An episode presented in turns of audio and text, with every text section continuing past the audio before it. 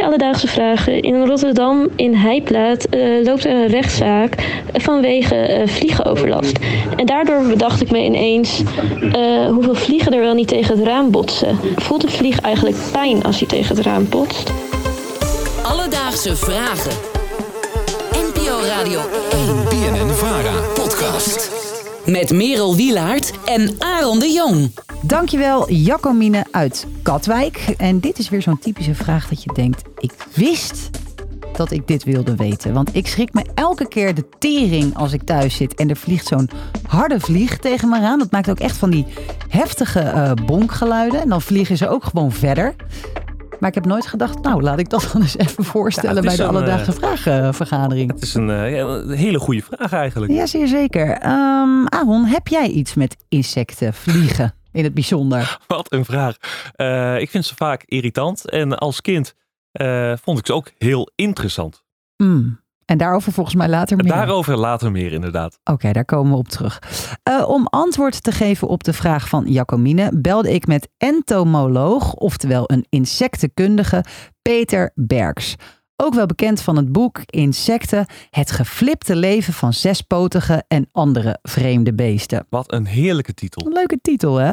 En het antwoord op de vraag of vliegen pijn ervaren als ze tegen jouw raam aanbotsen, is simpel gezegd: waarschijnlijk valt het wel mee. En dat heeft allemaal met zijn gewicht te maken. Als zo een vlieg tegen een raam opvliegt, dat heeft een bepaalde kracht. En als je dan even de berekening maakt, dan is de kracht waarbij een vlieg tegen zo'n raam vliegt ongeveer anderhalf miljoen keer kleiner dan tegen als wij dat zouden doen. En dan kom je bij het, het, eh, het argument van voelen die dan pijn? Nu, kijk, er is heel veel discussie bij biologen en als je uh, twee entomologen graag voor een hele dag wilt bezighouden, dan ga je ze gewoon vragen van hebben insecten nu pijn of niet? En dan uh, kan je wel een zeer levendige discussie krijgen. Maar als ik het aan Peter vraag, is het antwoord puur fysiologisch en biologisch is pijn wel degelijk meetbaar.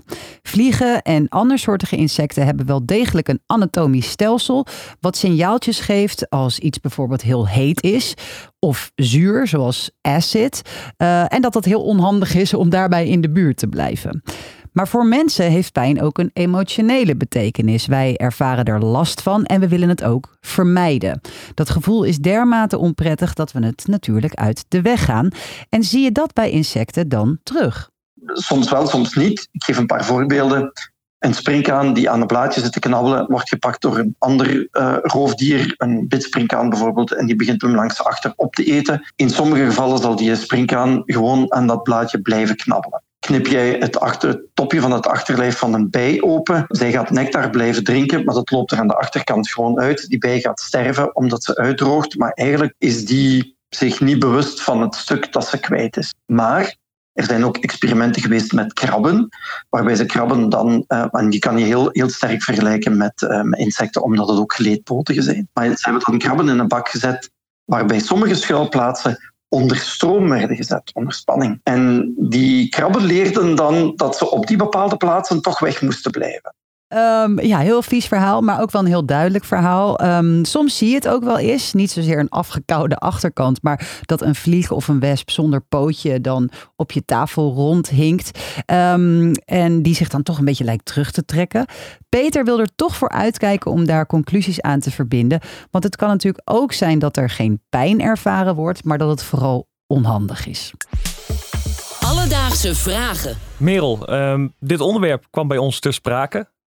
En eh, ja, we hadden het er op de redactie eventjes over. En al heel snel kwam het onderwerp: hoe gingen wij als kind met insecten om? En nou, jij initieerde dat gewoon hoor. Nou jij zei, ik vond het wel leuk om aan insecten te pielen en de dingen uit te trekken vroeger. Oké, ja. Als kind was ik nieuwsgierig en inderdaad, ik zat wel eens met mijn broertje, had je een vlieg gevangen en dacht je, nou ja, wat is een goed idee? Ik trek zo'n vleugel eruit. Mhm. Maar goed, jullie blijkbaar, de hele redactie was stil toen ik dit vertelde. En ja, ik ging aan mezelf twijfelen. Ja, nou ja, we waren niet zozeer stil. We riepen allemaal, nee, sorry hoor, maar dat deed ik niet. Ja, dat nou, maar ik ging aan mezelf twijfelen. Maar om vast te stellen of ik echt niet psychologisch verknipt ben, belde ik met ontwikkelingspsycholoog Steven Pont met de vraag of ik me nu zorgen moet maken. Nee, dat is niet iets waar je zorgen over hoeft te maken. Kinderen die leren de wereld kennen door ermee te experimenteren. En dat valt daaronder, hoe uh, na dat ook klinkt. Met name jonge kinderen die nog weinig empathie hebben, die begrijpen niet dat als zij geen pijn hebben, dat er pijn is. Dus ze hebben niet door uiteindelijk eigenlijk wat ze doen. En daar komt ook nog wat peer pressure bij. Hè? Dus van nou durf jij dit, durf jij dat. Maar je werkelijk verplaatsen in dat beestje. Dat is heel ingewikkeld voor ze. Het is veel makkelijker om je te verplaatsen in een, in een kitten of in een, in een puppy. En daar zien we dat dan ook een stuk minder, omdat die veel meer empathie oproepen. En een spin roept dat nou eenmaal niet op. Het was gewoon een gezond gebrek aan empathie. dus Jacomine, voelt een vlieg pijn als deze tegen je raam opbotst? Ja en ook toch nee. Want waarschijnlijk zal deze het hoogstens als onhandig ervaren. Maar de vlieg kan zich snel herpakken. Ook omdat deze vele malen lichter is dan jij en ik. Of een vlieg echt emotioneel pijn ervaart, is tot op heden nog niet vastgesteld. Heb jij nou ook een vraag? Dan kan je ons zoals gewoonlijk DM'en via Instagram, Alledaagse Vragen.